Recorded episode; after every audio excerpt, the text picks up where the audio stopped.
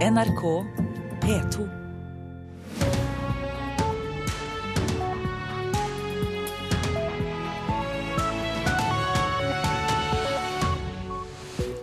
Vel møtt til sending torsdag 13. november. Nå 6.30 har vi mer om disse sakene.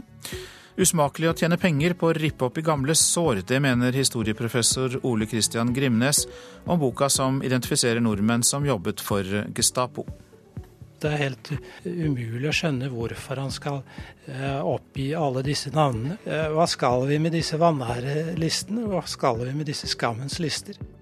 USA mener det internasjonale samfunnet må øke presset på Russland, slik at landet respekterer våpenhvilen i Ukraina. Avinor legger om rutinene for trafikken i luftrommet i Midt- og Vest-Norge. Kan få følger for flytrafikken. Passasjerene skal møtes som eh, vanlig, men eh, ha litt tålmodighet. Og hvalens halefinne er som et fingeravtrykk. Nå tar forskerne bilder av dem, og kan finne igjen samme hval i et helt annet hav.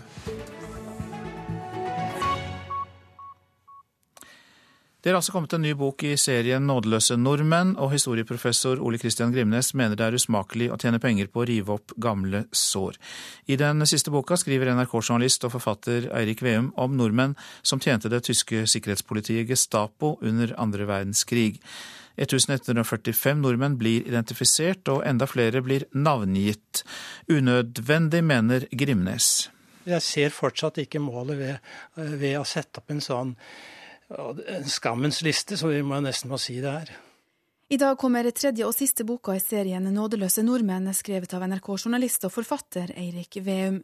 Boka handler om nordmenn som jobba for Gestapo under andre verdenskrig.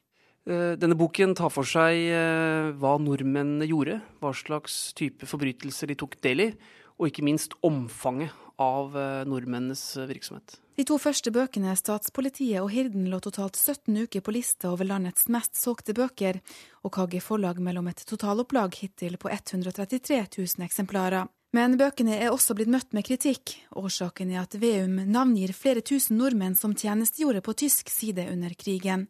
I den siste boka er det nordmenn som ble verva til tjeneste for det tyske sikkerhetspolitiet, som blir identifisert. Dette var vanlige nordmenn. Det var eh, noens fedre, sønner, døtre, mødre, altså fra vanlige norske familier, som gikk inn i denne tjenesten med de voldsomme konsekvensene det kunne få. Gestapo kunne ikke ha avdekka og uskadeliggjort så mye av den norske motstandsvirksomheten uten de norske medhjelperne, skriver Veum, som mener omfanget av det norske bidraget er en del av historien som ikke er godt nok belyst. Men det kunne han fint ha fortalt uten å bruke navn, mener historieprofessor Ole Christian Grimnes. Det er helt umulig å skjønne hvorfor han skal eh, oppgi alle disse navnene. Eh, hva skal vi med disse vanærelistene? Hva skal vi med disse skammens lister? Og det er jo en form for et nytt landssvikoppgjør. Altså et oppgjør ved domstolene skal jo være sånn at når du er blitt dømt, og du har sittet inne og har avtjent din straff, så skal du være forbi med det. Dette er en form for en ny, uh, nytt landssvikoppgjør, ikke ved domstolen, men uh, ved en form for uthengning. Årsaken til at det er nødvendig, er at det ikke er gjort før. Vi har hatt et rettsoppgjør. Uh, det var et offentlig rettsoppgjør. Men de siste 65 årene så har ikke dette vært en del av norsk krigshistorie. Så derfor er det på tide å få fortalt den historien på nytt, slik at vi ikke glemmer den. Forfatter Eirik Veum og reporter var Kristin Esje Holm. USA mener det internasjonale samfunn må øke presset på Russland, slik at landet respekterer våpenhvilen i Ukraina. FNs sikkerhetsråd holdt i natt nok et hastemøte om Ukraina etter at Nato i går bekreftet at russiske militærkolonner er blitt observert på vei inn i Øst-Ukraina. We have seen Russia's playbook in Transnistria, South Ossetia, Abkhazia and Crimea. So the question is not what try to do in eastern Ukraine. The question is what we, the international community, Vi har sett hvordan Russland har oppført seg på Krim og andre steder, så spørsmålet er ikke hva Russland kommer til å gjøre i Øst-Ukraina, det er hva verdenssamfunnet vil gjøre for å stoppe dem, sier USAs FN-ambassadør Samantha Powers. Tonen var svært uforsonlig på hastemøtet i Sikkerhetsrådet i går kveld.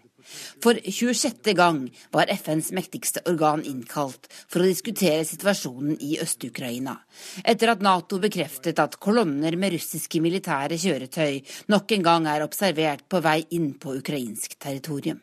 Поэтому все это разговоры пустые. Это обычная пропагандистская фальшивка. Nato erklærer at vi sender kjøretøy og soldater til Ukraina, men dette er ikke en korrekt gjengivelse av situasjonen på bakken, sa Aleksander Pankin, som er Russlands viseambassadør til FN, på møtet. Våpenhvileavtalen som ukrainske myndigheter og prorussiske opprørere ble enige om i september, er så godt som død.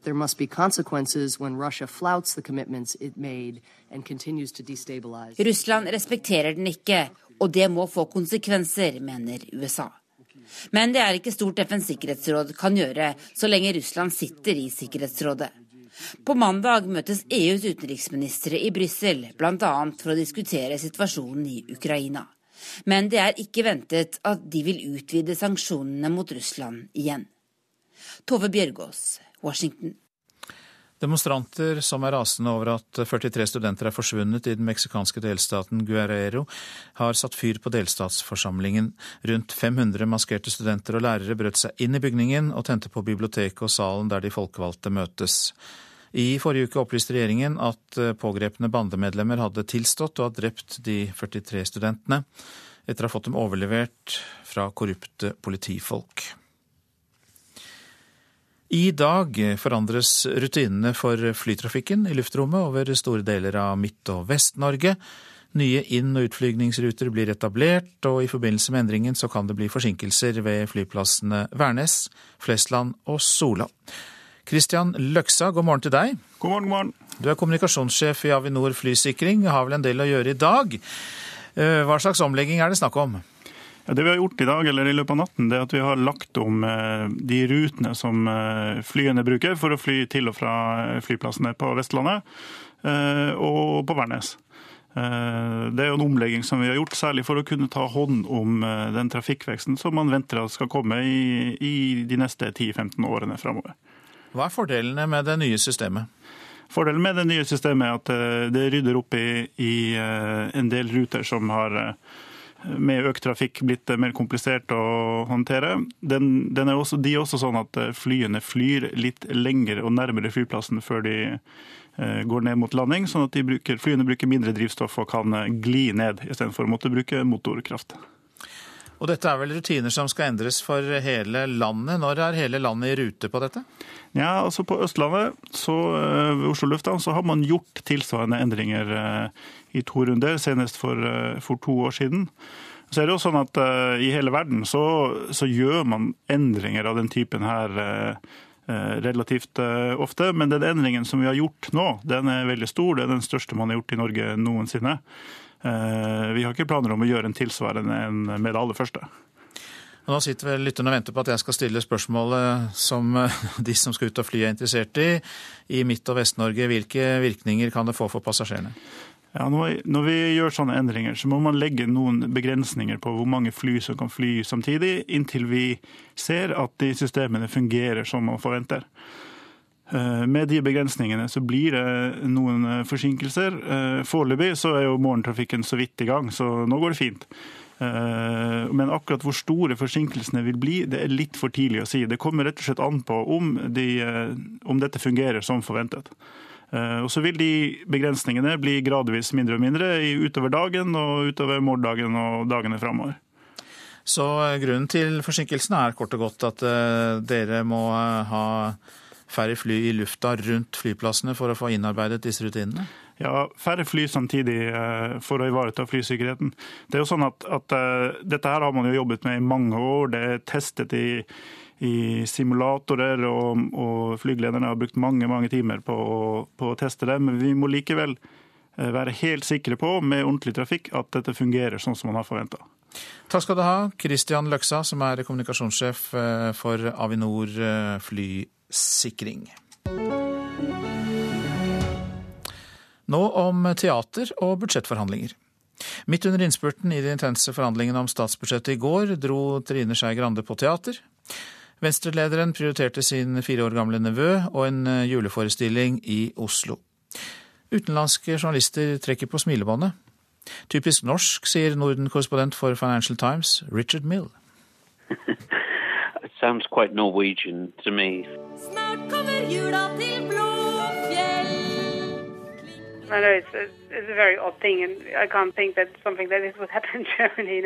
Dette er veldig rart, mener Sigrid Herms i Deutsche Presseagentur. Hun ser ikke for seg at noe lignende kunne ha skjedd i Tyskland. Hun tror rett og slett ikke det tyske folket ville trodd det var sant dersom de hørte at en høytstående politiker hadde prioritert teater foran budsjettforhandlinger. Slikt ville kostet en politiker jobben i Tyskland, sier Herms. No, they wouldn't believe it. I mean, I think that the, that the party leader would really risk to lose his job. For seg Grande la i går kveld budsjettdokumentene til side og vendte blikket mot Blåfjellnissene på teaterscenen. For løfter skal holdes, sa Venstre-lederen. Og så er det sånn i livet at man skal holde det man lover både til store og til små. Og jeg hadde behov for å holde noe jeg hadde lova til en liten en. Uh. Noe sånt ville neppe ha skjedd i Storbritannia, sier Mill.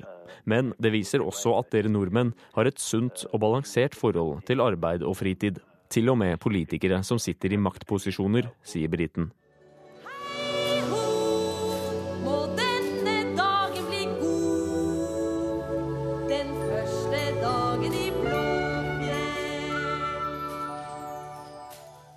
Så får vi håpe det var en god eh, teateropplevelse. Reportere Vegard Valestrand og Eva Marie Bullai. Rakel Ludvigsen fra Lenvik i Troms reiser i kveld til Sierra Leone. I seks uker skal hun være der og hjelpe ebolasmittede. Sierra Leone er landet hvor den norske hjelpearbeideren Silje Lene Michaelsen ble smittet, og ble alvorlig syk av eh, ebola. Heldigvis så ble hun jo frisk igjen. Men eh, det som skjedde med Silje Lene Michaelsen skremmer ikke Rakel Ludvigsen. Nå er det min tur. Nå skal jeg få komme ut og bidra med mitt. Jeg har masse ressurser som trengs akkurat i en sånn situasjon. Så eh, i kveld så pakkes kofferten med, med stor glede og et stort mot for å eh, bistå denne befolkninga, som er særdeles hardt prøvd akkurat nå. Rake Ludvigsen har i en årrekke deltatt i Leger uten grenser sitt arbeid i u-land. Nå står nordlendingen klar for nok et opphold utenfor Norges grenser, hvor det skal arbeides tett med de dødssyke i Sierra Leone. Jeg har uh, jobba i felt i mange år med Leger uten grenser. Jeg starta i 98, når det var en uh, alvorlig sultkatastrofe i Sør-Sudan. Uh, og så uh, hvor viktig det var at man uh, går inn og hjelper der det ikke er mulighet for lokalbefolkningen å klare seg sjøl. Så det ble en så mektig opplevelse at jeg fortsatte i mange, mange år, faktisk. og har nå hatt en pause på ca. fire år. Legene som reiser nedover til kriserammede land, kommer tett inn på de syke. Og det kan ta veldig på å være der nede i lengre perioder. Dette var grunnen til at Ludvigsen trengte pausen fra det frivillige arbeidet. Nå er hun igjen klar for å ta i et tak for organisasjonen, og det er følelsen av å kunne bidra og det å hjelpe befolkningen som får en til å reise til Sierra Leone nå. Heldigvis så klarer de fleste av oss å finne en god balanse i det at vi også ser de umiddelbare resultatene av det vi gjør. At vi kan komme i gang med prosjekter fort og effektivt, få behandla sykdom, få uh, gitt mat til befolkningen som uh, opplever sult. Sjansene for å overleve når man først er smittet av ebola, er svært lave. Verdens helseorganisasjon opererer med tall som viser at ca. 37% av alle ebolasmittede i verden dør. For å gjøre en best mulig innsats og være best mulig forberedt på å ta vare på seg selv der nede, har Ludvigsen de siste dagene vært på opptrening i Amsterdam. Denne treningen gjør at hun ikke er redd for hva som venter henne når hun nå reiser til Afrika. Vi føler oss trygge, vi som har vært nå på opplæring og har fått full forståelse av hvordan vi skal forholde oss. Vi, vi reiser ut, og vi skal jobbe, og vi skal føle oss trygge. Helt klart. Rakel Ludvigsen til reporter Sigve Kvellestad. Så skal vi se hva avisene har på sin dagsorden i dag. Slik driver norske selskaper hemmelig skatteakrobatikk, kan vi lese på Aftenpostens forside. Lekkede dokumenter viser hvordan norske selskaper legger avanserte skatteplaner i Luxembourg. Resultatet kan bli null skatt i begge land, mener Organisasjonen for skatterettferdighet. Vi må endre Norge før det gjør for vondt, sier Siv Jensen til Dagbladet. Finansministeren mener at årets statsbudsjett er viktig for å omstille norsk økonomi, bl.a. Eh, å legge til rette for lønnsomhet i større deler av økonomien. Vil bygge leiligheter i tomme kontorbygg, skriver Bergens Tidende. Næringsmegleren eh, Lars M. Kyte sier det er 146 000 kvadratmeter ledige kontorarealer i Bergen, og arealene vil øke i årene framover. Om tre år skal Bergens Tidende selv ut av sine lokaler i sentrum, og de øverste etasjene kan godt egne seg til leiligheter, sier Kytte. Styrk foreldremakten, sier Anne Holt til Dagsavisen. Forfatteren, som også er tidligere justisminister, mener at norsk skoleledelse ikke gjør jobben sin, og at andre voksne, som foreldrene, kan komme på banen for å forebygge, oppdage og stanse mobbing. Flyttet lærer for å løse mobbesak, kan vi lese i Vårt Land. En dyktig lærer ble flyttet til problemskolen, som hadde forsøkt alt for å stoppe mobbingen. Det ga resultater. Kunnskapsminister Torbjørn Røe Isaksen kan tenke seg å gjøre slike beredskapsteam av dyktige lærere til et nasjonalt tiltak. Smårusk, sier Veritas-direktør Bjørn Haugland til Dagens Næringsliv om regjeringens klimasatsing. Han er med i et klimapanel som på konferansen til klimastiftelsen Zero legger fram åtte tiltak for å gjøre Norge mer klimavennlig.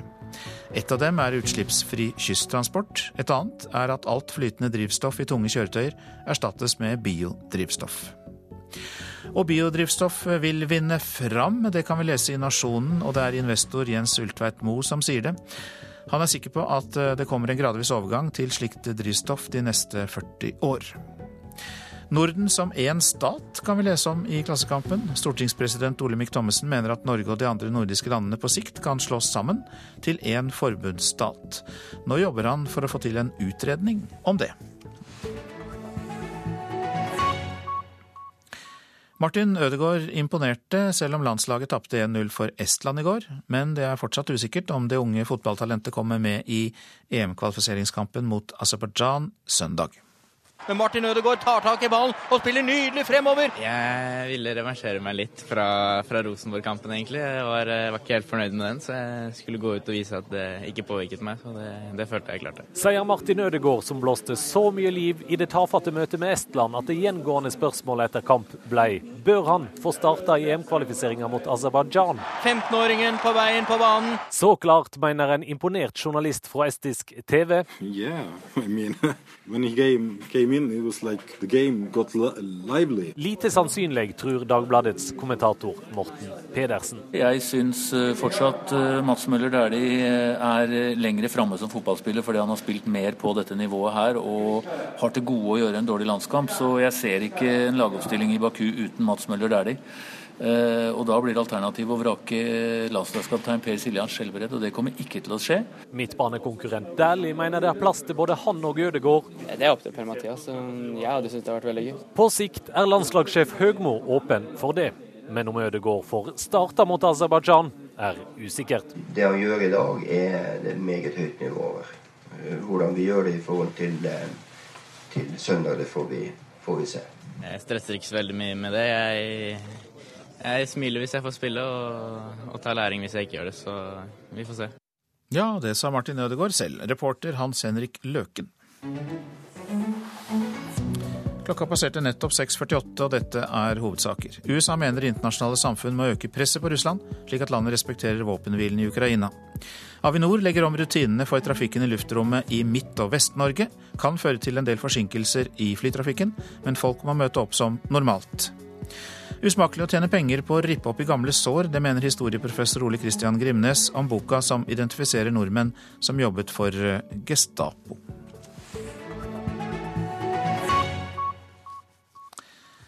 For tiden er eh, Kalfjorden i Tromsø full av hval. Nå har National Geographic betalt norske forskere for å ta bilde av halefinnene til hvalene. Disse er nemlig som et eh, fingeravtrykk, alltid forskjellige, og med bilder av halefinnene kan forskere dokumentere hvordan hvalene beveger seg rundt i verden.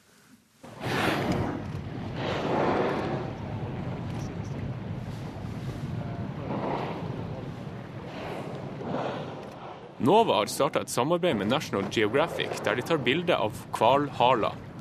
Alle knølhvaler har et unikt mønster på halen, så med disse bildene kan forskere over hele verden identifisere hver enkelt hval og hvordan de har beveget seg rundt i verdens hav. Fredrik Broms fra Enova jobber nå med å ta bilder, slik at de kan skape en verdensomspennende base. Eh, altså Knallhvalen er det pattedyr på jorden som har lengst vandringer av alle dyr. Så de vandrer eh, generelt sett mellom eh, nordlige beiteområder og eh, i tropiske kalve- og paringsområder. Så gjennom å ta bilder av, av halen på hvalene, så er det mulig å følge individer. Det er som, som et fingeravtrykk på hvalene. De siste ukene har folk valfarta til Kalfjorden for å se hval. Forskere fra Norsk institutt for vannforskning, Martin Bjov og Fredrik Broms, og Carl Øystein Gjelland fra Norsk institutt for naturforskning, er overraska over å se så mye hval så tidlig på året. Bjov har aldri vært med på å se så mye hval samla på ett sted. Ja, nå har vi altså en eh, gruppe med sikkert en 15, kanskje 20 knølhval som alle kommer, eh, kommer, opp bak båten. Og så er det masse spekkhoggere så nå har vi virkelig funnet den plassen der det, der det er mye spising. Så vi må ligge midt i sildestimet akkurat nå. Du kan uh, høre blåsten til knølhvalen når, når, det kommer opp til overflaten. Og reporteren som var ute i Kalfjorden i Tromsø, det var Øystein Mathisen. Nå om finansieringen eh, av eh, NRK. Skal det fortsatt være lisens, eller skal pengene samles inn som en husstandsavgift? I forbindelse med den nye stortingsmeldingen om NRK har regjeringen bestilt en analyse av ulike betalingsløsninger. Hei, vi er fra lisensavdelingen i NRK. Lisensen har lang tradisjon i Norge. Avgiften ble innført for radioapparater i 1924, og var da på 20 kroner.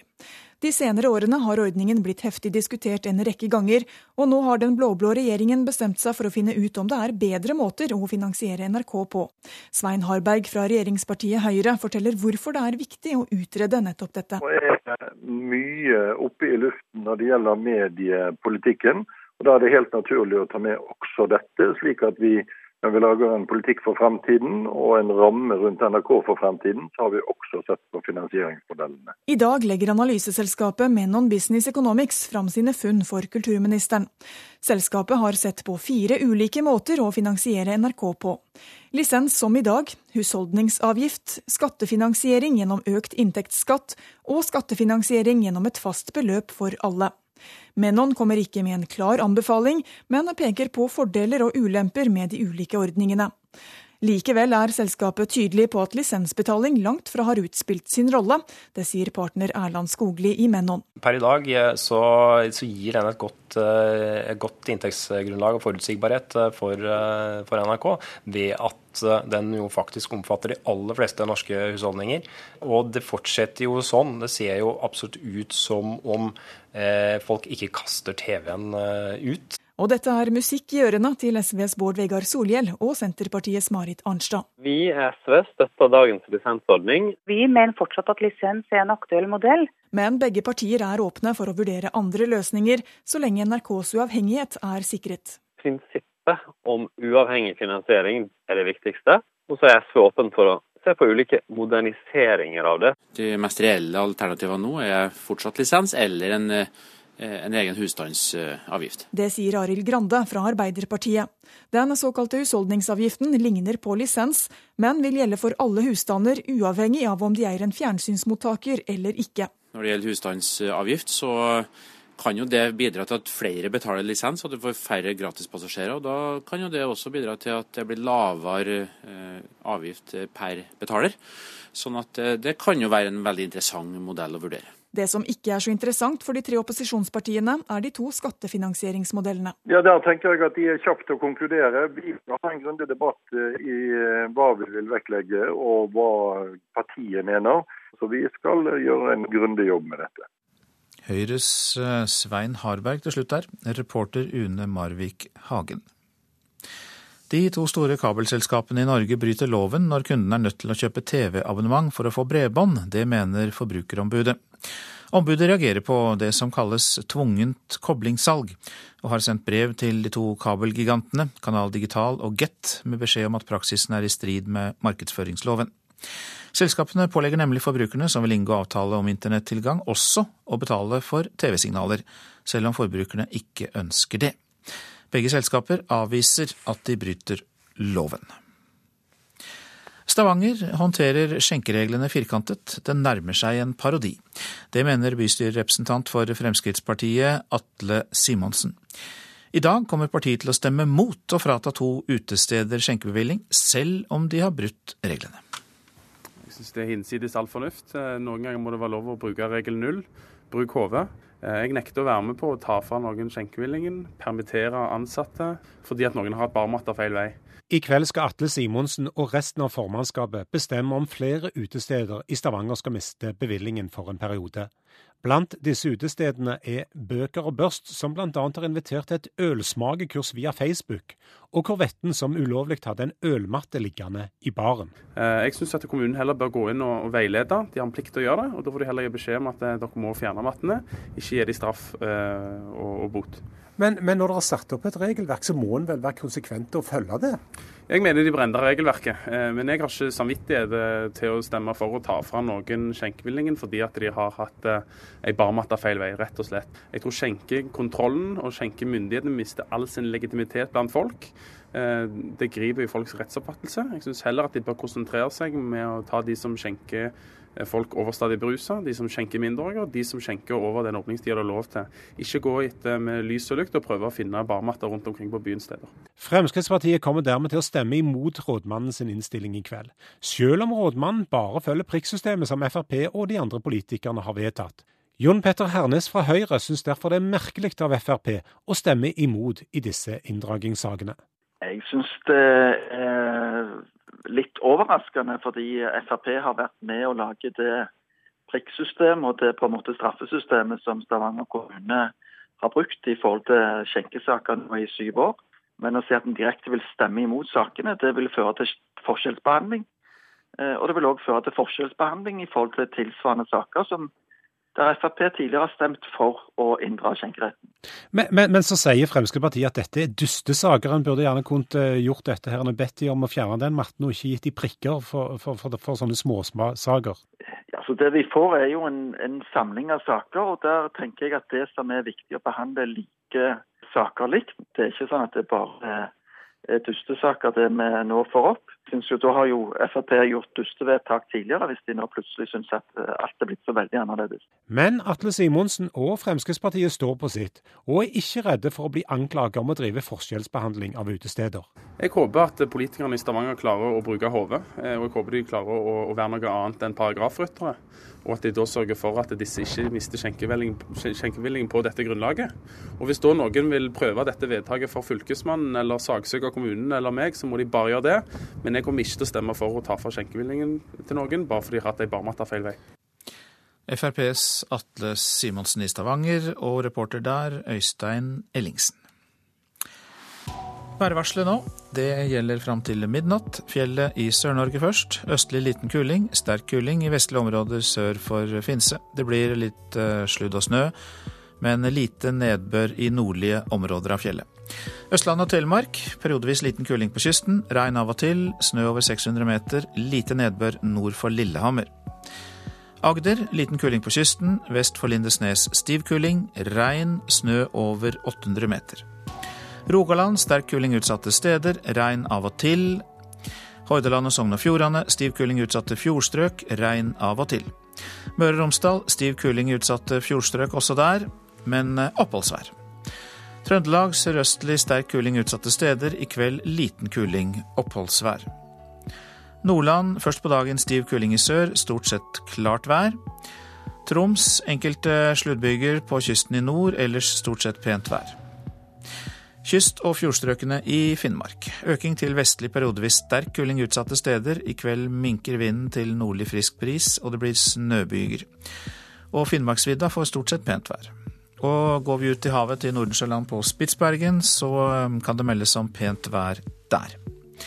Temperaturer, og disse ble målt klokka fire. Svalbard lufthavn minus 13, Kirkenes minus 7. Vardø har vi ikke fått inn, men Alta hadde minus 8, Tromsø-Langnes 4, Bodø pluss to.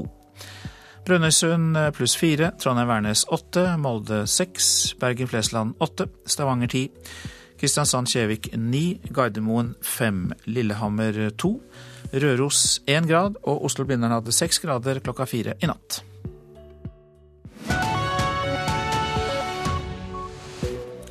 Nyhetsmorgen fortsetter med disse sakene. Ansatte på sykehjem blir påtvunget passiv røyking. De må holde sigaretten for beboere som ikke kan gjøre det selv. Her kan du høre mer om at Forsvaret stopper våpenkjøp fordi penger skal brukes på kampfly. Ny uro i Midtøsten, strid om hellige steder i Jerusalem og om Israels bosettinger.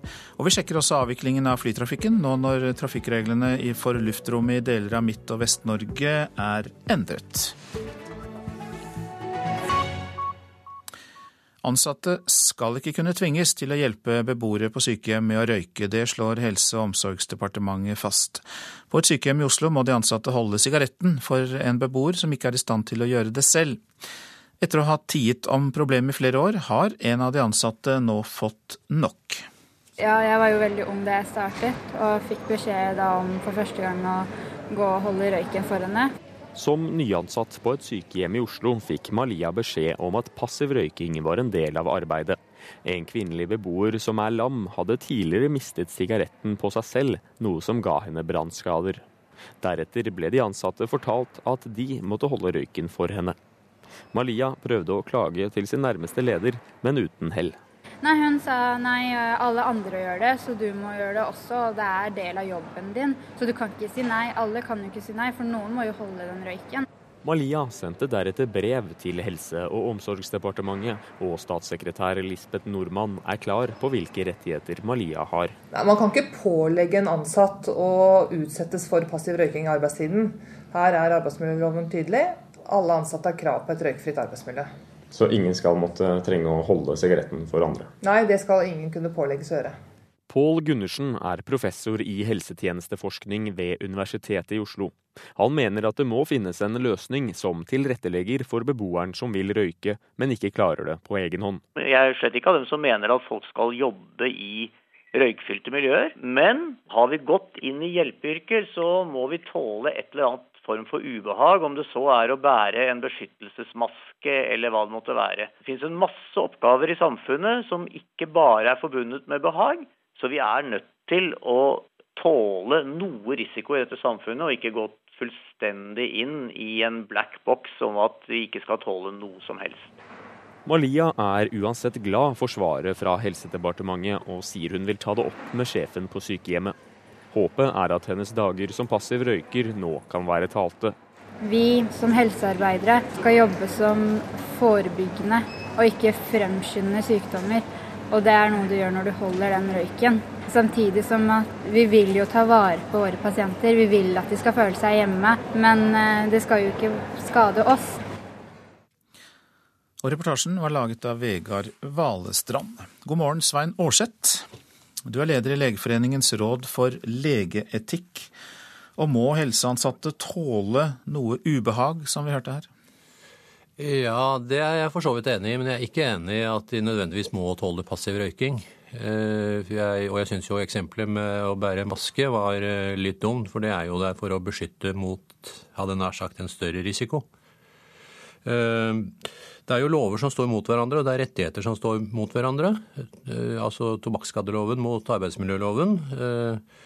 Og det er jo klart at om man bor på en institusjon, så skal man få lov til å være hadde nær sagt, herre i eget hjem, og sånn sett også få lov til å røyke. Problemet her er at man ikke klarer å gjøre det på egen hånd, og trenger hjelp av noen. Og jeg tenker at hvis den ansatte som ble pålagt å hjelpe, var gravid eller hadde astma, så ville alle skjønt at det er uholdbart.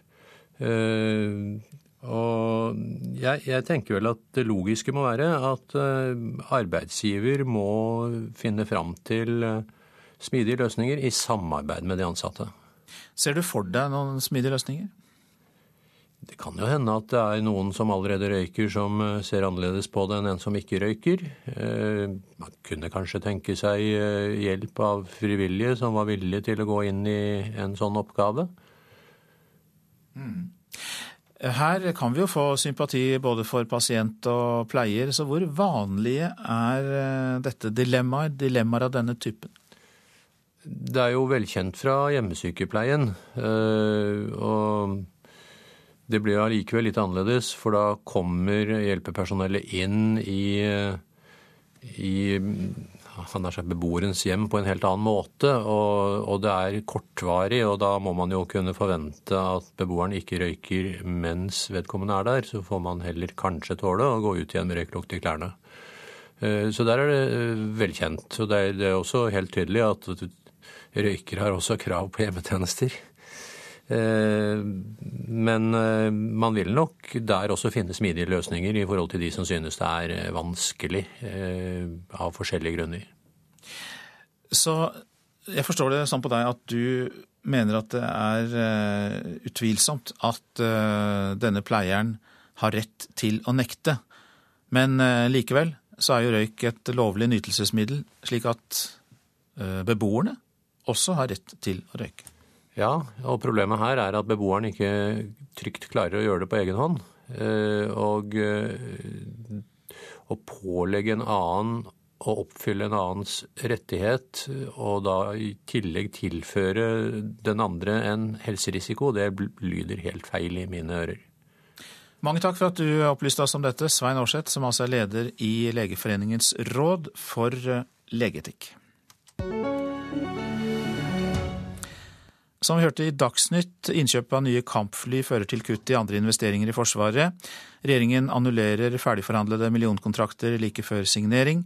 Avbestillingen fra Forsvarsdepartementet kom som en bombe på høyteknologibedriften Nammo på Raufoss. De har brukt åtte-ti år og over 100 millioner kroner på å utvikle en ny granatkaster.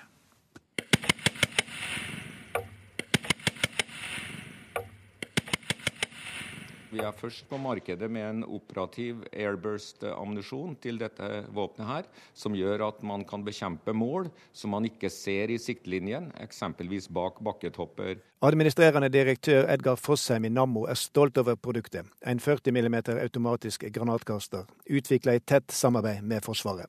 Men han er nærmest sjokkert over at Forsvarsdepartementet like før kontrakten skal signeres, sender et nei takk til Raufoss. For det første så var vi veldig overrasket, for vi har aldri opplevd tidligere etter så mange års samarbeid og en ferdigforhandla kontrakt at den skulle Eh, ikke komme til gjennomføring. På kort sikt kan den brå helomvendinga i Forsvarsdepartementet gå utover arbeidsplasser i Norge, selv om Nammo er ei stor internasjonal bedrift med leveranser over hele verden. Men isolert sett dette her, eh, vil dette bety i Nammo ca. 50 årsverk som vi da må sette til andre ting, eller eventuelt også permittere folk.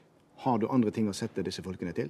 På noen av stedene, men ikke alle stedene hvor vi skulle produsere dette produktet. For forsvarsindustrien er denne annulleringa langt alvorligere enn bare et nei på en ordre.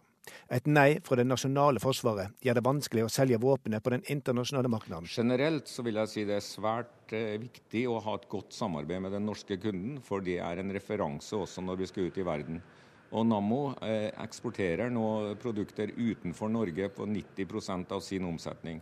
Og Da sier det vel seg selv at eh, det ikke er heldig at en slik kontrakt ikke blir virkelighet. Statssekretær Øystein Bø i Forsvarsdepartementet beklager nå den sene annulleringa av milliardordren. Dette var et prosjekt som man jobbet fram med, og som skulle frem til godkjennelse. og, og når vi da gjorde en gjennomgang, så viste det seg at det prosjektet kunne vi ikke prioritere. Men forskning og utvikling av dette prosjektet har vart i mellom åtte og ti år, og det er brukt 100 millioner kroner på det.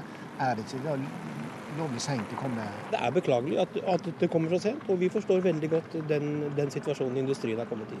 Bø sier det er vedtatt å overføre mer penger til nye kampfly, og dermed må andre innkjøp kuttes. Vi må holde oss til de rammene vi har. og Når vi da har prosjekter som vi ikke har penger til, og som vi ikke når opp, så er vi nødt til å terminere de.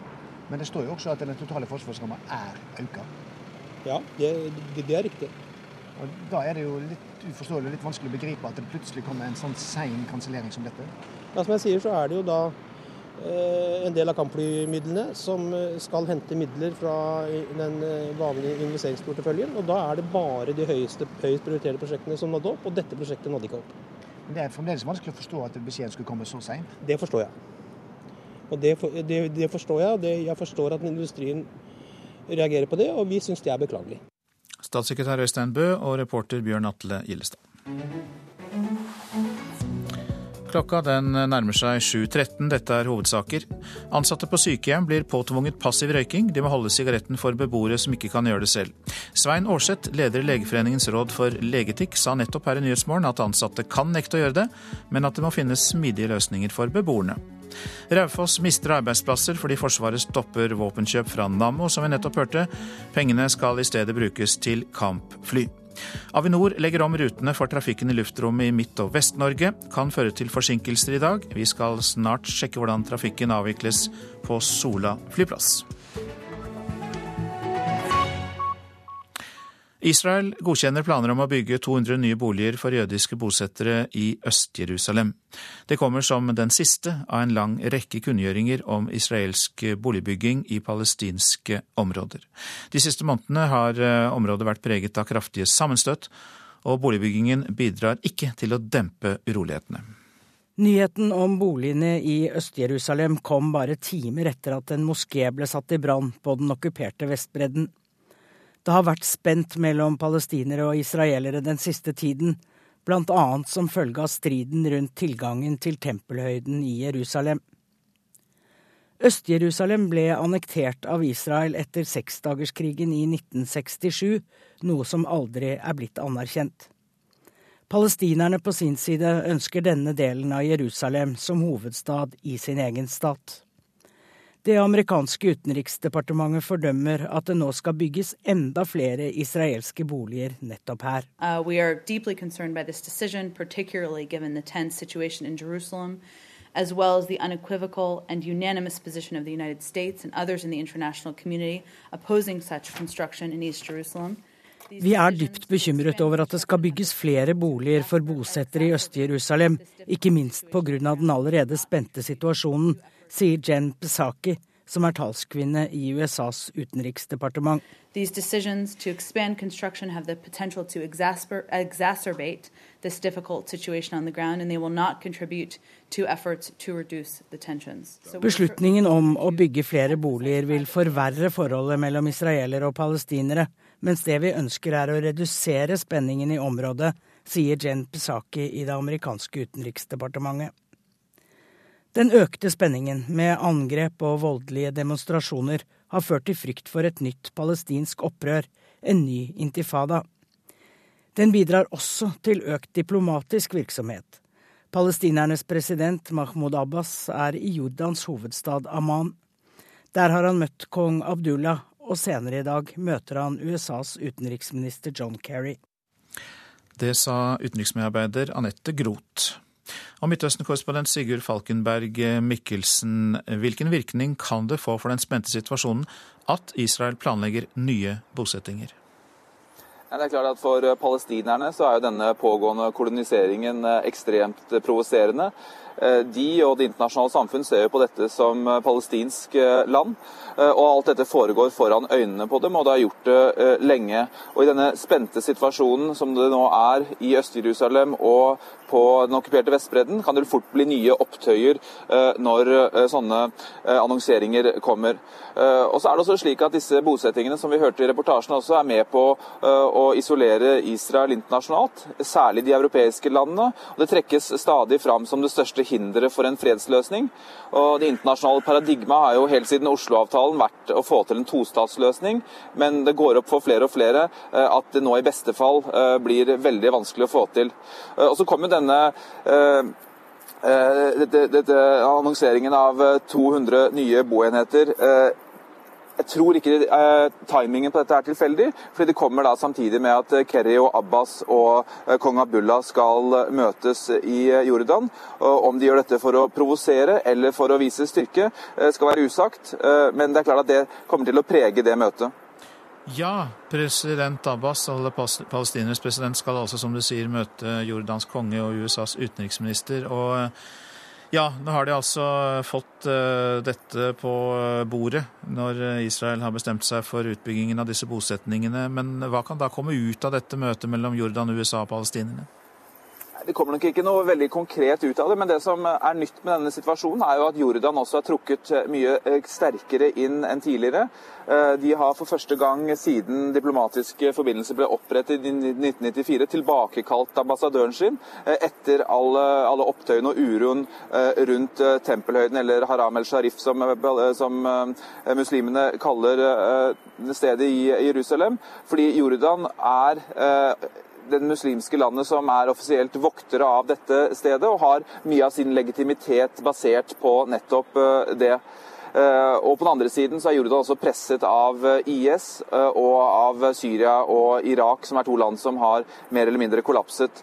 Eh, for Abbas eh, sin del så er jo han også heller ikke i noen god posisjon. og Han var veldig tydelig tirsdag, brukte et tydeligere språk eh, enn han har gjort det på lenge. Da holdt han en tale for tiårsmarkeringen for Arafats død. Men det er ingen sterke ledere som møtes i de tre som nå møtes. For Kerry meklingsforsøk endte jo som vi alle vet i et mageplask i april. Og forholdet mellom USA og Israel er historisk dårlig. Mange takk skal du ha, Midtøsten-korrespondent Sigurd Falkenberg Mikkelsen. 32 personer er pågrepet etter et angrep på et egyptisk marinefartøy. Det sier militæret i landet, og det er eh, AFP som melder det. Minst åtte tjenestemenn skal være savnet etter eh, det militære omtaler som et terrorangrep i Middelhavet, altså mot et egyptisk fartøy. I India har politiet arrestert en lege etter at 13 kvinner døde som følge av sterilisering. Legen opererte 83 kvinner i løpet av svært kort tid, og mange fikk komplikasjoner etter inngrepene. Lokale myndigheter i India tilbyr ofte penger eller varer til par som frivillig lar seg sterilisere, dette for å stoppe befolkningsveksten. Åtte av mannskapet på fergen som kantret i Sør-Korea tidligere i år, anker dommene sine. Flere enn 300 mistet livet i katastrofen. De åtte ble dømt til mellom 5 og 30 års fengsel. Kapteinen på ferga ble dømt til 36 år i fengsel, og er blant de som anker. En bilbombe har gått av ved Egypts ambassade i Tripoli. Det har ikke kommet meldinger om skadde etter angrepet, som altså skjedde i eh, Libyas hovedstad. Det siste døgnet har det gått av flere bomber eh, i byer som er kontrollert av den internasjonalt anerkjente regjeringen, som er basert i byen Tobruk.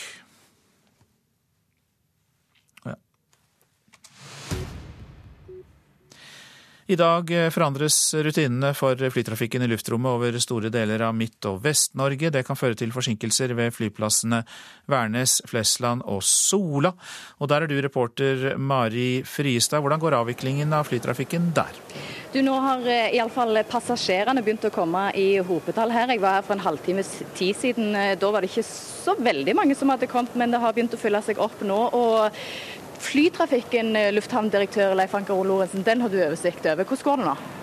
Det går veldig bra. Ved innlasting av det nye systemet i natt så gikk det veldig fint. Eh, trafikken flyter bra. Vi har en gjennomsnittlig forsinkelse nå inn eh, til flyplassen på ca. 20 minutter. Men det har gått veldig bra. Ja, Nå er det altså 16 flyplasser som blir berørt av denne omleggingen her fra Stavanger i sør til Trondheim i nord.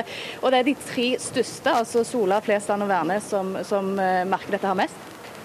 Ja, det er nok det pga. trafikkmengden. Så litt utpå eh, morgenen nå så eh, vil vi ha en trafikktopp. og Eh, vi tror at eh, sånn som det ser ut nå, så har det gått så bra, eh, både teknisk og operativt, at vi vil få minimalt med forsinkelser. Men som sagt, gjennomsnittlig ca. 20 minutter til en halvtime er der vi er nå. Ja, Og det er som forventa? Ja, det er som forventa. Nå er vi trygge på systemet, og så vil vi etter hvert øke kapasiteten når Eh, flygelederne er trygge på at eh, det òg fungerer i forhold til mengde trafikk eh, for de. Hvordan er passasjerene varsla om disse her endringene som kommer, og at en nå må forvente og kanskje vente litt ekstra? Ja, Vi har jo prøvd å informere om at det blir en stor omlegging natt i dag. Det er den største omleggingen vi har hatt i Norge noensinne. Så noen restriksjoner må vi ha for å opprettholde sikkerheten. Men med den forsinkelsen som vi har nå, og med den informasjonen som vi har fått ut, så tror vi at at folk eh, aksepterer det og ser nødvendigheten av at eh, vi må regulere dette på en trygg måte. Ja, En 20-30 minutters forsinkelse nå, og det var jo det dere varsla om at morgentrafikken torsdag morgen det var den som kom til å bli ramma mest nå. Men, men, hvordan ser det ut videre utover dagen? Ja, nå får vi ta time for time og så se hvordan eh, dette utvikler seg. Foreløpig så går det iallfall veldig godt etter planen, og helst foran planen. Så vi tror at det, det utover dagen nå skal eh, få en, en, god eh, trafikkutvikling med eh, relativt lite forsinkelser. Men det ser vi eh, litt an etter hvert som tiden går. nå. Ja, for Det er flygelederne som bestemmer dette her, altså om, eh, om, de klarer å ta inn flere fly og om de blir mer komfortable med dette her systemet. Men det kan òg ta dager, dette her. Ja, det kan det. Vi har lagt opp et eh, program for en gradvis opptrapping av trafikken. Det er både flygere og flygeledere som nå skal operere et helt nytt utformet eh, utforma luftrom med nye rutiner og nye prosedyrer, og det skal vi ha respekt for. Så da kjører vi en kapasitet som gjør at uh, alle parter som er involvert i dette, er trygge på at dette går bra. Ja, Nå har det altså gått sånn noenlunde som etter planen her. Det var altså varsla forsinkelser. En 20-30 minutter er det nå fra de største flyplassene mellom Stavanger og Trondheim. Takk skal du ha, Mari Fristad, som rapporterte fra Sola. Så til det avisene har på dagsordenen i dag. Slik driver norske selskaper hemmelig skatteakrobatikk, kan vi lese på Aftenpostens forside. Lekkede dokumenter viser hvordan norske selskaper legger avanserte skatteplaner i Luxembourg. Resultatet kan bli null skatt i begge land, mener Organisasjonen for skatterettferdighet. Vi må endre Norge før det gjør for vondt, sier Siv Jensen til Dagbladet. Finansministeren mener at årets statsbudsjett er viktig for å omstille norsk økonomi, bl.a. å legge til rette for lønnsomhet i større deler av eh, norsk økonomi. Vil bygge leiligheter i tomme kontorbygg, skriver Bergens Tidende. Næringsmegleren Lars M. Kyte sier det er 140 146 000 kvadratmeter ledig kontorareal i Bergen, og arealet vil øke i årene framover. Om tre år skal Bergens Tidende selv ut av sine lokaler i sentrum, og deler av det bygget kan være godt egnet til leiligheter, sier næringsmegleren. Styrk foreldremakten, sier Anne Holt til Dagsavisen. Forfatteren, som også er tidligere justisminister, mener at norsk skoleledelse ikke gjør jobben sin, og at andre voksne, som foreldrene, kan komme på banen for å forebygge, oppdage og stanse mobbing. Flyttet lærer for å løse mobbesak, kan vi lese i Vårt Land. En dyktig lærer ble flyttet til problemskolen, som hadde forsøkt alt for å stoppe mobbingen. Det ga resultater. Kunnskapsminister Torbjørn Røe Isaksen kan tenke seg å gjøre slike beredskapsteam av dyktige lærere til et nasjonalt tiltak. Smårusk, sier Veritas-direktør Bjørn Haugland til Dagens Næringsliv om regjeringens klimasatsing. Han er med i et klimapanel på en konferanse i klimastiftelsen Zero legger de fram åtte tiltak i dag for å gjøre Norge mer klimavennlig. Et av dem er utslippsfri kysttransport. Et annet er at alt flytende drivstoff i tunge kjøretøyer erstattes med biodrivstoff. Og biodrivstoff det vil vinne fram, sier investor Jens Ultveit Moe til Nasjonen. Jeg er sikker på at det kommer en gradvis overgang, slik at drivstoff de neste 40 årene blir biodrivstoff. Norden som én stat kan vi lese om i Klassekampen. Stortingspresident Olemic Thommessen mener at Norge og de andre nordiske land på sikt kan slås sammen til en forbundsstat. Nå jobber han for en utredning om eh, det. De har gjort det i århundrer, og sannsynligvis var lukta like ille før. Men nå får bøndene flere klager. Knut Espen Riis er bonde i Lier i Buskerud og har fått mange klager etter å ha gjødslet jordene. Verst syns han det er at klagene havner på sosiale medier også.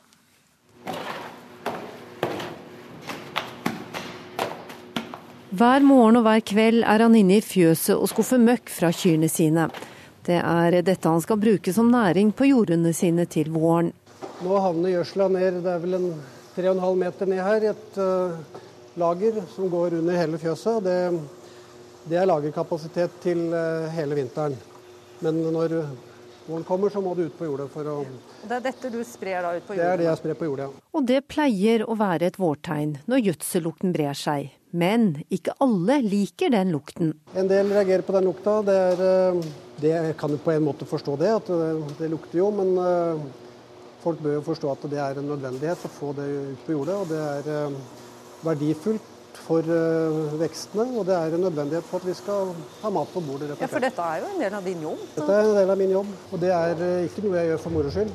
Ris er ikke alene om å få klager på gjødsellukten. Det forteller Egil Kristoffer Hoen, som er leder i Buskerud Bondelag. Fra tid til annen så får vi henvendelser fra både bønder og også innimellom fra privat eh, hvor eh, det er synspunkt på dette her. Enten eh, naboer føler at det lukter for mye møkk, eller at rett og slett en bonde føler at han er lei seg for at han kommer opp i en konfliktsituasjon hvor det er naboer som klager på møkkalukt. Hoen driver også med husdyrhold, og han har også fått klager på gjødsellukt. Ja da, jeg har opplevd det. Og Personlig så synes jeg det er eh, helt OK når en nabo ringer direkte til meg og har synspunkt på dette her, for da kan vi ta en eh, prat om det. og Jeg kan prøve å justere meg, og, og vi finner kanskje ut av hvordan det er. Det som jeg ikke er komfortabel med, er når eh, det blir ytringer på Facebook f.eks., sosiale medier, eller rett og slett baksnakking. Det er lite konstruktivt. og bidrar ikke til å løse problemet. Altså. Landbrukssjefen i Lier, Marit Fjelltun, forteller at også kommunen får klage på gjødsellukt. Fra tid til annen så eh, får vi inn noen henvendelser på, på dette. Vi gjør det. Hva, hva er det folk sier? Ja, de syns det lukter vondt. de liker ikke lukta? Nei. Hvorfor oppstår denne konflikten, tror du? Det er vel en, eh, en, interessekonflikt her. At du har eh, landbruket og næringa og husdyrbruket på den ene sida, og så er det boliginteresser og folk som ønsker å bo landlig, men kanskje ikke ønsker eh, f.eks. lukt fra husdyr. Men må man ikke regne med at det lukter litt hvis man bor litt landlig til? En må nok det. Og Lier som ei landbruksbygd, så, det, så må det bli litt lukt. Det må det, altså. I perioder. Og selv om vær og vind ofte avgjør når gjødslingen kan skje, prøver bonden på Øvre Skustad gård i Lier å vise hensyn til når han gjødsler. Jo, hvis jeg får forespørsler om jeg kan unngå å spre på en bestemt dag, hvis noen skal ha et arrangement, så eh, retter jeg meg etter det. Eh, så langt det lar seg gjøre. Klart altså Jeg må få jobben min gjort. Så hvis det er ønsker for eh, hele uka, så eh, da må jeg prioritere. Men det er sjelden det er noe problem. Det sa Buskerudbonden Knut Espen Riis, og reporter var Maria Kommandant Wold. Prosent for Nyhetsmorgen i dag, Vidar Eidhammer. Her i studio, Øystein Heggen.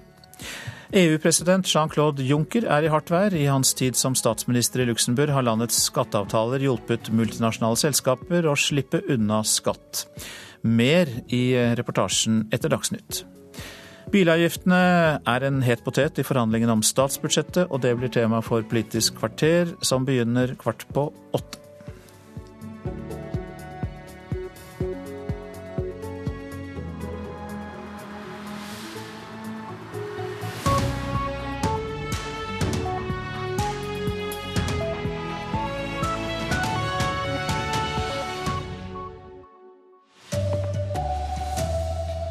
Sykehjemsansatt nekter å holde røyken for pasient. Ansatte må tåle litt ubehag, svarer professor. Våpenet kostet over 100 millioner å utvikle, men Forsvaret sa nei til å kjøpe i siste øyeblikk. Og de torturerte landsmenn under krigen. Ny bok navngir nordmenn som jobbet for Gestapo. Her er NRK Dagsnytt klokken 7.30. Ansatte skal ikke kunne tvinges til å hjelpe beboere på sykehjem med å røyke. Det slår Helse- og omsorgsdepartementet fast. På et sykehjem i Oslo må de ansatte holde sigaretten for en beboer som ikke er i stand til å gjøre det selv. Etter å ha funnet seg i det i flere år, har en av de ansatte nå fått nok. Ja, jeg var jo veldig ung da jeg startet, og fikk beskjed om for første gang å gå og holde røyken for henne. Som nyansatt på et sykehjem i Oslo fikk Malia beskjed om at passiv røyking var en del av arbeidet. En kvinnelig beboer som er lam, hadde tidligere mistet sigaretten på seg selv, noe som ga henne brannskader. Deretter ble de ansatte fortalt at de måtte holde røyken for henne. Malia prøvde å klage til sin nærmeste leder, men uten hell. Nei, Hun sa nei, alle andre gjør det, så du må gjøre det også. og Det er del av jobben din. Malia sendte deretter brev til Helse- og omsorgsdepartementet, og statssekretær Lisbeth Nordmann er klar på hvilke rettigheter Malia har. Man kan ikke pålegge en ansatt å utsettes for passiv røyking i arbeidstiden. Her er arbeidsmiljøloven tydelig. Alle ansatte har krav på et røykfritt arbeidsmiljø. Pål Gundersen er professor i helsetjenesteforskning ved Universitetet i Oslo. Han mener at det må finnes en løsning som tilrettelegger for beboeren som vil røyke, men ikke klarer det på egen hånd. Jeg er slett ikke av dem som mener at folk skal jobbe i røykfylte miljøer. Men har vi gått inn i hjelpeyrker, så må vi tåle et eller annet form for ubehag, om det så er å bære en beskyttelsesmaske eller hva det måtte være. Malia er uansett glad for svaret fra Helsedepartementet, og sier hun vil ta det opp med sjefen på sykehjemmet. Håpet er at hennes dager som passiv røyker nå kan være talte. Vi vil jo ta vare på våre pasienter, vi vil at de skal føle seg hjemme. Men eh, det skal jo ikke skade oss. Reporter Vegard Valestrand. Og Svein Aarseth, leder i Legeforeningens råd for legeetikk. Den ansatte må tåle litt ubehag, hører vi professoren i helsetjenesteforskning si. Hva tenker du? Eh, jeg tenker at det ikke nødvendigvis må tåle ubehag som medfører å utsette seg selv for helserisiko. Og særlig siden vi snakker om noe som ikke har med å bedre personens helse å gjøre. Eh, så, men det er to hensyn som står mot hverandre. Du har tobakksskadeloven på den ene siden og arbeidsmiljøloven på den andre siden. Det er en beboer som bør få lov til å bestemme i sitt eget hjem. Problemet er at han trenger hjelp for å røyke. Hva slags løsninger kan eh, sykehjemmet finne for at både pasient og ansatt eh, skal føle seg hørt? Jeg tror at de må sette seg ned og diskutere hvorledes dette kan løses. Eh, de har jo f.eks. et arbeidsmiljøutvalg, og jeg tror man må finne smidige løsninger som bygger på frivillighet. Kjenner du til andre tilsvarende saker? Det er jo ikke et uvanlig problem i hjemmetjenestene at eh, ansatte kvier seg for å gå inn i røykeres eh, hjem. Eh, men det blir jo litt annerledes. De går jo inn i deres hjem, og de er der en kort tid. Og da er det jo ikke urimelig at akkurat mens hjemmesykepleien er der, så røyker ikke den som trenger hjelp. Takk skal du ha, Svein Aarseth. Det er forsinkelser på 20 minutter til en halvtime i flytrafikken ved flere flyplasser langs kysten mellom Trondheim og Stavanger. Årsaken er en stor omlegging av innflygningsrutinene. Lufthavnsjefen på Sola, Leif Anker Olofsen, sier det er små forsinkelser. Sånn som det ser ut nå, så har det gått så bra, eh, både teknisk og operativt, at eh, vi vil få minimalt med forsinkelser. Men som sagt, gjennomsnittlig ca. 20 minutter til en halvtime er der vi er nå. Forsvarsdepartementets prioritering av de nye norske kampflyene går nå hardt utover andre investeringer. Like før signering av den ferdigforhandlede kontrakten annullerte departementet bestillingen av en ny automatisk granatkaster fra bedriften Nammo på Raufoss. Det har tatt selskapet ti år og kostet over 100 millioner kroner å utvikle det nye våpenet for Forsvaret, og avbestillingen kom som en bombe for Nammo. Vi er først på markedet med en operativ airburst-ammunisjon til dette våpenet, her, som gjør at man kan bekjempe mål som man ikke ser i siktlinjen, eksempelvis bak bakketopper. Administrerende direktør Edgar Fossheim i Nammo er stolt over produktet. En 40 mm automatisk granatkaster, utvikla i tett samarbeid med Forsvaret. Men han er nærmest sjokkert over at Forsvarsdepartementet like før kontrakten skal signeres, sender et nei takk til Raufoss. Vi har aldri opplevd tidligere etter så mange års samarbeid og en ferdigforhandla kontrakt at den skulle eh, ikke komme til gjennomføring. På kort sikt kan den brå helomvendinga i Forsvarsdepartementet gå utover arbeidsplasser i Norge. Isolert sett dette her, eh, vil dette bety i Nammo eh, ca. 50 årsverk som vi da må sette til andre ting, eller eventuelt også permittere folk. Har du andre ting å sette disse folkene til? På noen av stedene, men ikke alle stedene hvor vi skulle produsere dette produktet. For forsvarsindustrien er denne annulleringa langt alvorligere enn bare et nei på en ordre. Et nei fra det nasjonale forsvaret gjør det vanskelig å selge våpenet på den internasjonale markedet. Og Nammo eh, eksporterer nå produkter utenfor Norge på 90% av sin omsetning.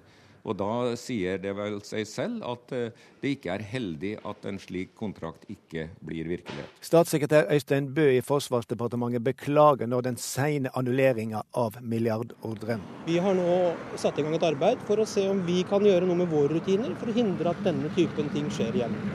Så du innser at uh, dette var noe som ikke burde skje? Jeg innser at det er beklagelig for industrien, og som jeg sa, det var ingen lett avgjørelse for oss heller. Reporter Bjørn Atle Gillestad. Nordmenn var mer involvert i Gestapo under andre verdenskrig enn det som har vært kjent tidligere. Det sier NRK-journalist og forfatter Eirik Veum, som har skrevet bok om nordmenn som ble rekruttert av tysk sikkerhetspoliti. I boken navngir han 1145 norske statsborgere som jobbet for det tyske sikkerhetspolitiet. Noen av de viktigste agentene var kvinner, forteller han. Nordmenn i Gestapos tjeneste, det har vært Eh, viet liten plass, og kanskje enda mer kvinnenes eh, innsats. Og eh, det at norske kvinner innledet kjærlighetsforhold til norske motstandsfolk, for senere å informere Gestapo om det de da kunne hente ut av denne relasjonen, det har vært svært underkommunisert. Gestapo prøvde å rekruttere nordmenn fra alle samfunnslag. Kvinner var særlig attraktive fordi de ble sett på som ufarlige, men samtidig kunne knytte tette og intime bånd til norske motstandsmenn. Kvinner som var angiver for Gestapo, og som også var eller hadde relasjoner til motstandsbevegelsen. Der snakker vi om flere hundre. Et av navnene på lista i boka tilhører Aud Maggi Andersen. Etter å ha blitt tatt for å smugle flyktninger over grensa, lot hun seg verve i et avhør med Gestapo. Hun ble en av Gestapos dyktigste angivere, forteller Veum. Hun beskrev f.eks. hvordan disse motstandsmennene var uten klær, altså om de hadde arr på kroppen som kunne tyde på skuddskader, som igjen kunne relateres til motstandsvirksomhet. Dette rapporterte hun videre, og disse gruppene ble, ble avslørt. Det førte til en rekke arrestasjoner og også henrettelser. Ja, Reporter her var Kristin Esjeholm. To av tre selskap merker maten de selger feil, ifølge en rapport fra Mattilsynet. Mattilsynet har sett på flere forhold for å sjekke om norske matvarer virkelig er det de gir seg ut for å være, skriver Nasjonen. I dag offentliggjøres rapporten om matmerking. Så fotball. Martin Ødegaard imponerte tross 0-1-tap mot Estland i går, og gjør seg stadig hetere i kampen om å få starte for Norge. Men om sjansen kommer i EM-kvalifiseringen mot Aserbajdsjan søndag, er usikkert. Han har kvaliteter som kan endre et kampbilde, og forhåpentligvis får vi bruk for ham på sånt. Sier Stefan Johansen, som tror Martin Ødegaard blir viktig for Norge i EM-kvalifiseringa mot Aserbajdsjan søndag. Men Martin Ødegaard tar tak i ballen og spiller nydelig fremover. Men om han får starta, vil ikke en imponert landslagssjef Høgmo si noe om nå.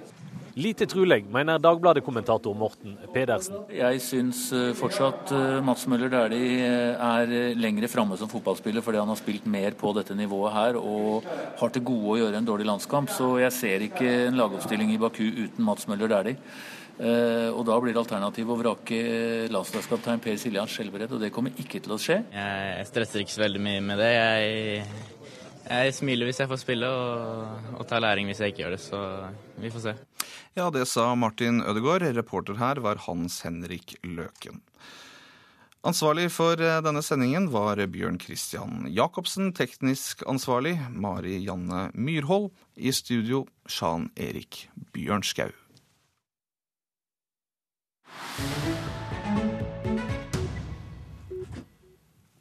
Du lytter til Nyhetsmorgen, og vi fortsetter med EU-president Jean-Claude Juncker, for han er i hardt vær for tiden. Han brøt i går tausheten etter å ha unngått å kommentere hemmelige skatteavtaler i hjemlandet Luxembourg. I to tiår så har jo Juncker vært statsminister og finansminister i Luxembourg, og i den tiden har store multinasjonale selskaper sluppet å betale milliarder av kroner i skatt pga. skatteordningene i landet. Avsløringene har fått flere EU-politikere til å mene at Juncker er uegnet som president i EU.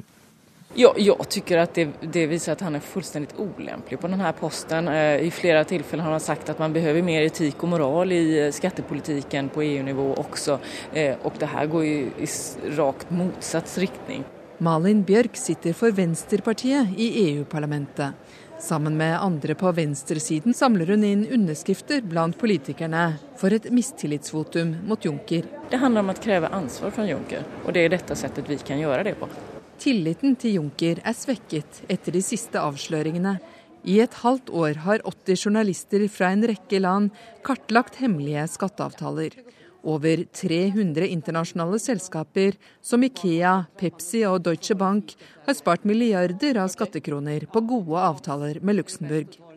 Det har de gjort samtidig med at Juncker har sittet som statsminister i landet og som finansminister. Selskapsskatten i Luxembourg er egentlig 29% men det har multinasjonale og internasjonale selskaper omgått. Også norske DNBs datterselskap i landet har fått skatterabatt.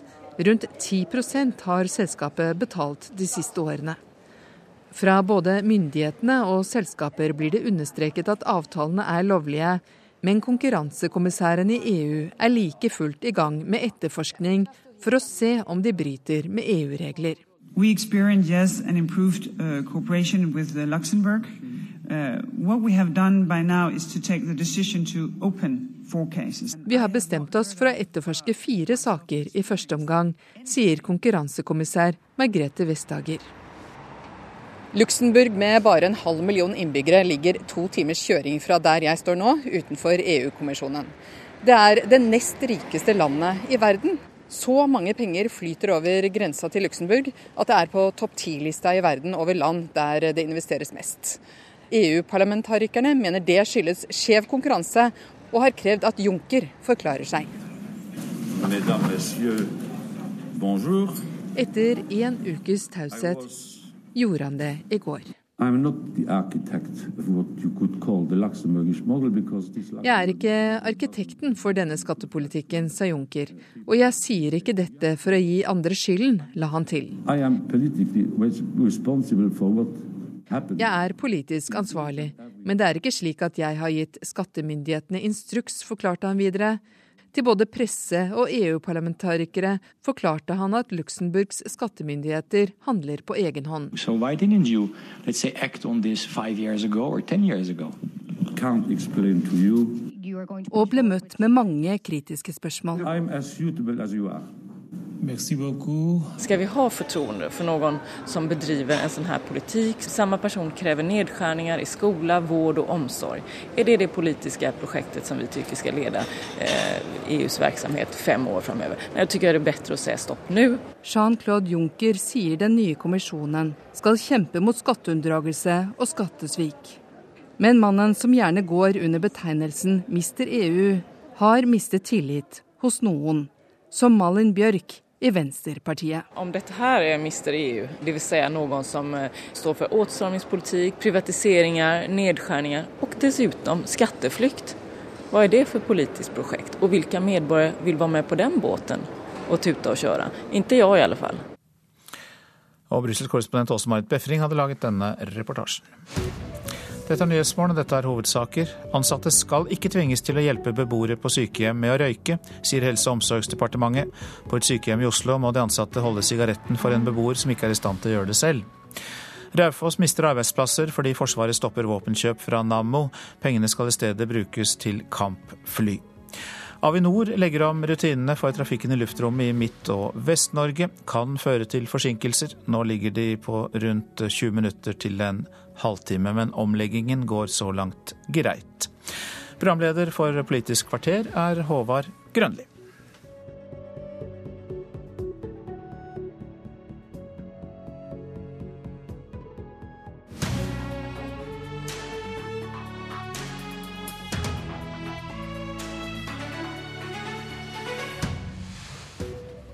Kan det bli et kompromiss når den ene parten vil ha billigere bilavgifter, og den andre vil ha et grønt skifte som gjør det dyrere å forurene?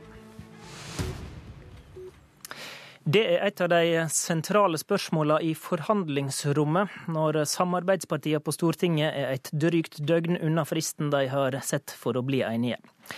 Forhandlingspartene tar eh, ikke debatter i åpen lende mens de forhandler. Derfor har vi invitert bilorganisasjoner og miljørørsler til studio for å se om de kan eh, hjelpe oss å peke på noen mulige kompromiss. Her i studio sitter Lastebileierforbundet, NAF og Zero. Geir Mo, administrerende direktør i Norges Lastebileierforbund. Eh, mange vil også huske deg som mangeårig generalsekretær i Frp. Nå kjemper eh, budsjettpartene for å bevare eh, sitt fotavtrykk på budsjettet, som de sier. Frp sitt kanskje viktigste fotavtrykk på budsjettet er de reduserte bilavgiftene. Hva av det som ligger i forslaget fra regjeringa er såpass bra at det bør få eh, overleve, mener du? Det er mye bra i forslaget til statsbudsjett fra regjeringa, og noe av det som vi har sett pris på i godstransportnæringa, er jo at de ikke foreslår å øke autodieselavgifta. Det betyr jo at de eh, bedrer konkurransesituasjonen litt for eh, norske godstransportører og lastebileiere, og det er vi veldig godt fornøyd med. Og så har lastebileierne vært svært kritiske til Venstre sitt alternative budsjett, som er det regjeringa nå må bryne seg på. Hva er det som eh, ikke er så bra der? Ja, Venstre foreslår jo å øke dieselavgifta med totalt 83 øre pluss moms. og Det betyr en ca. 8% økning for en gjennomsnittlig lastebileier. Det tror vi er eh, dårlig for eh, klima og miljø, og det er dårlig for norsk godstransport sin konkurranseevne. På hva slags måte er det dårlig for klima og miljø? Jo, Det betyr jo at den norske godstransporten på vei blir dyrere. Og når norsk godstransport på vei blir dyrere, så velger transportkjøper og vareeier billig utenlandstransport i stedet, og ofte østeuropeisk bunntransport. Og Det kommer til å føre med seg økte utslipp, fordi at mange av de bilene vi ser, har eh, dårligere eldre motorer, og dermed så har de mer utslipp. Så det er ikke helt sant da, at eh, Venstre omtaler dette som et miljøforslag?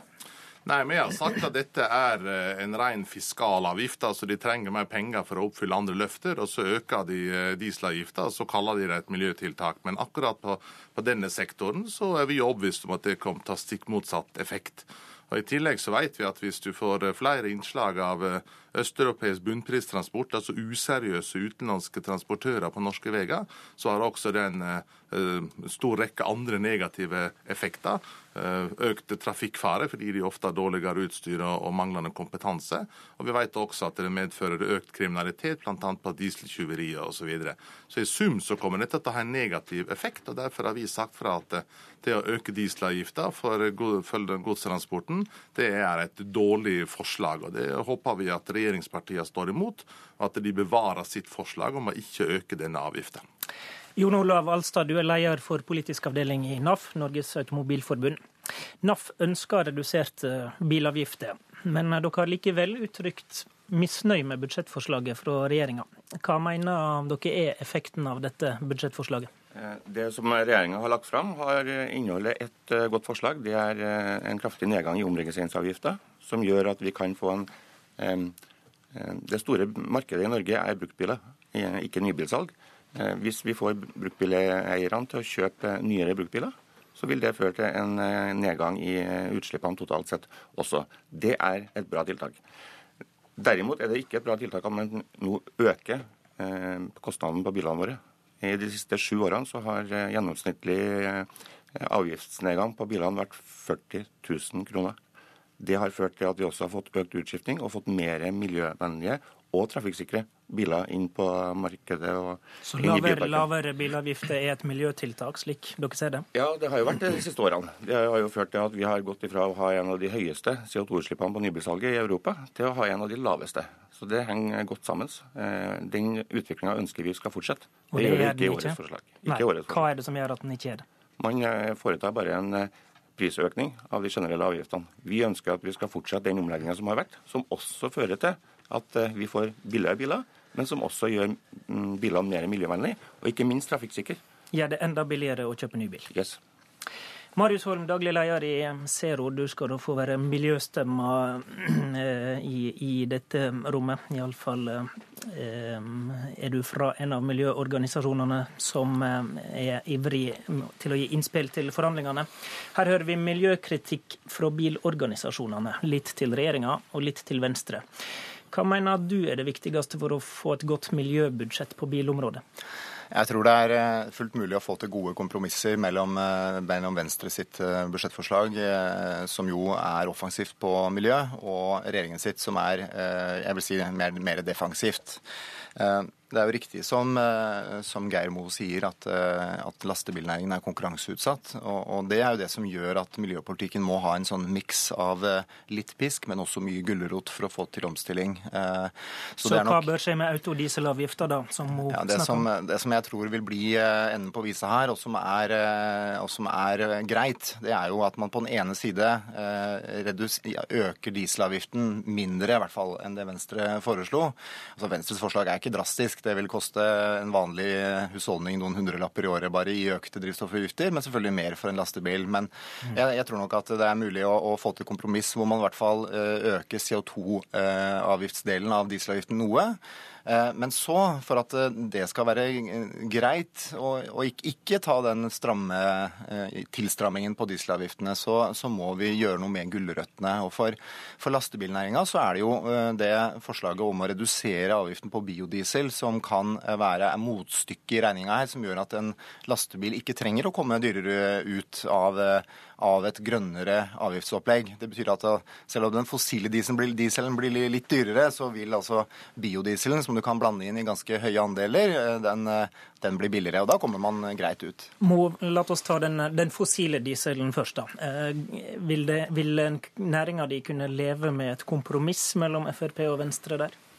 Næringa har jo tilpassa seg det meste av endrede rammebetingelser opp gjennom si, så lenge vi har hatt lastebil. Men vi må huske på det at hvis du får en 8 økning eh, på eh, den, en av de tre store kostnadskomponentene for en norsk lastebilbedrift, Eh, samtidig som vi vet at når bunnlinja er på mellom to og tre, så sier man seg sjøl at det blir vanskeligere å konkurrere. Og vår næring er ekstremt konkurranseutsatt, og den blir sterkere og mer og mer konkurranseutsatt.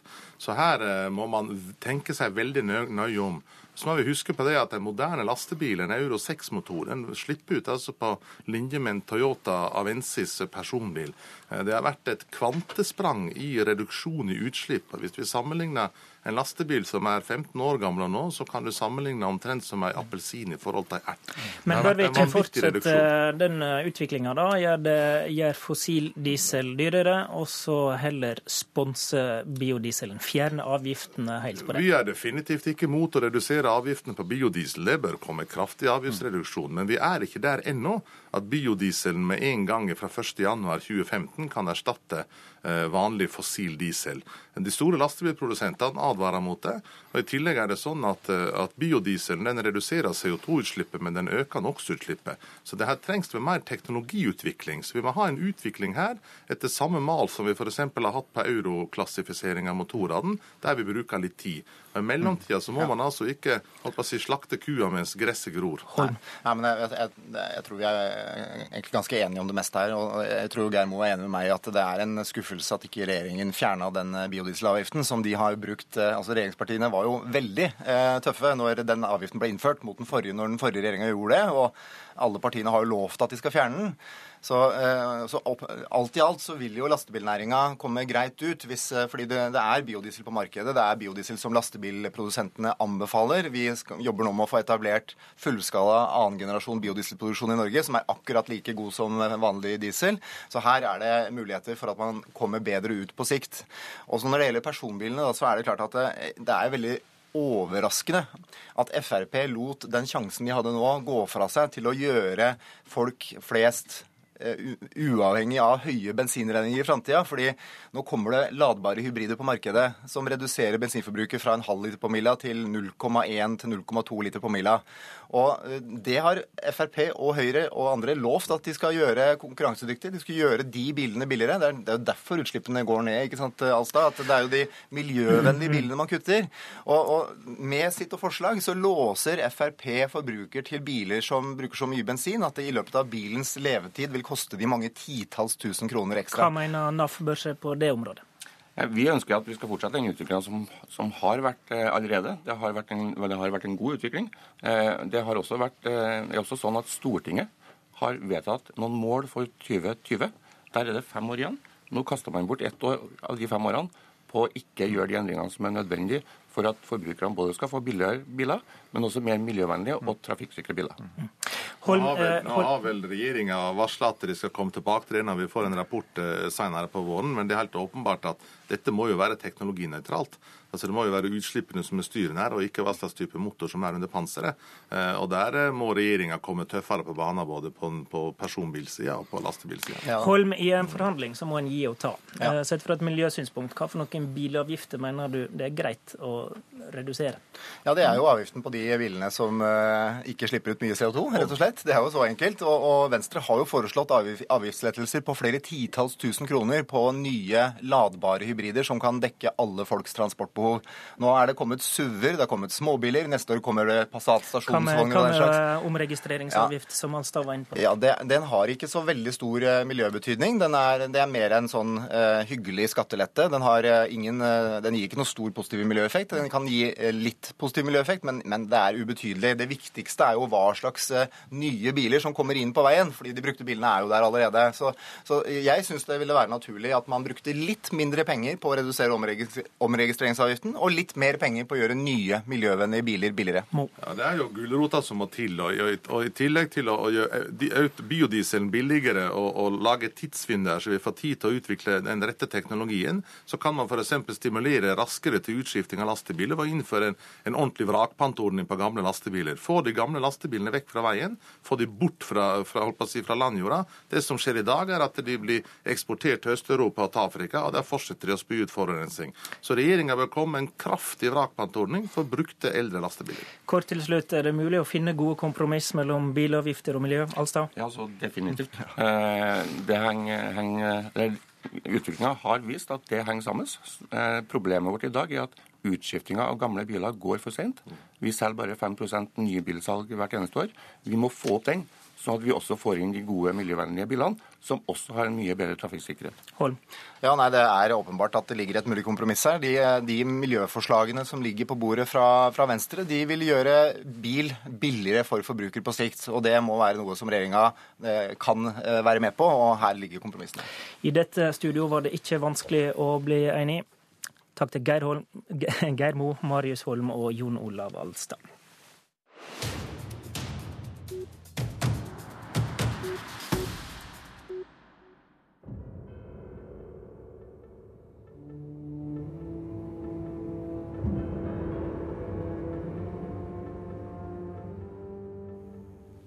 Dagens politiske gåte er dette. Hva var det Knut Arild Hareide fikk å tenke på etter det siste budsjettforhandlingsmøtet seint i går kveld.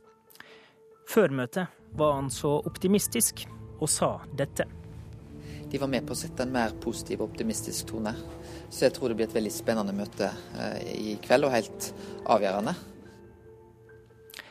Men etter møtet var det de tre andre partiene som var blide og snakkesalige. Vi krangla ikke, vi forhandla, og her er alle i godt humør. Jeg tror kanskje at det er ganske virkningsfullt å smile i sånne forhandlinger òg.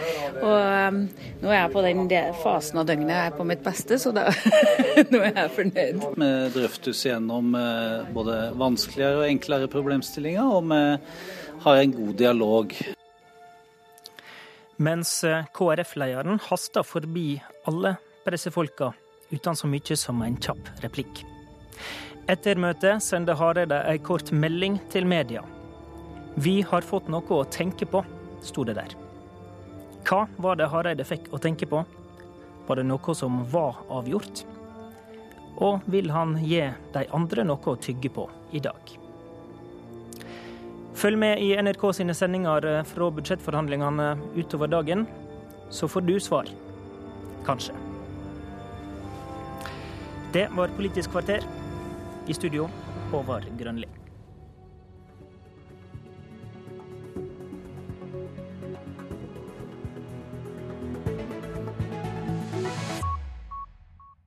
Hør flere podkaster på nrk.no podkast.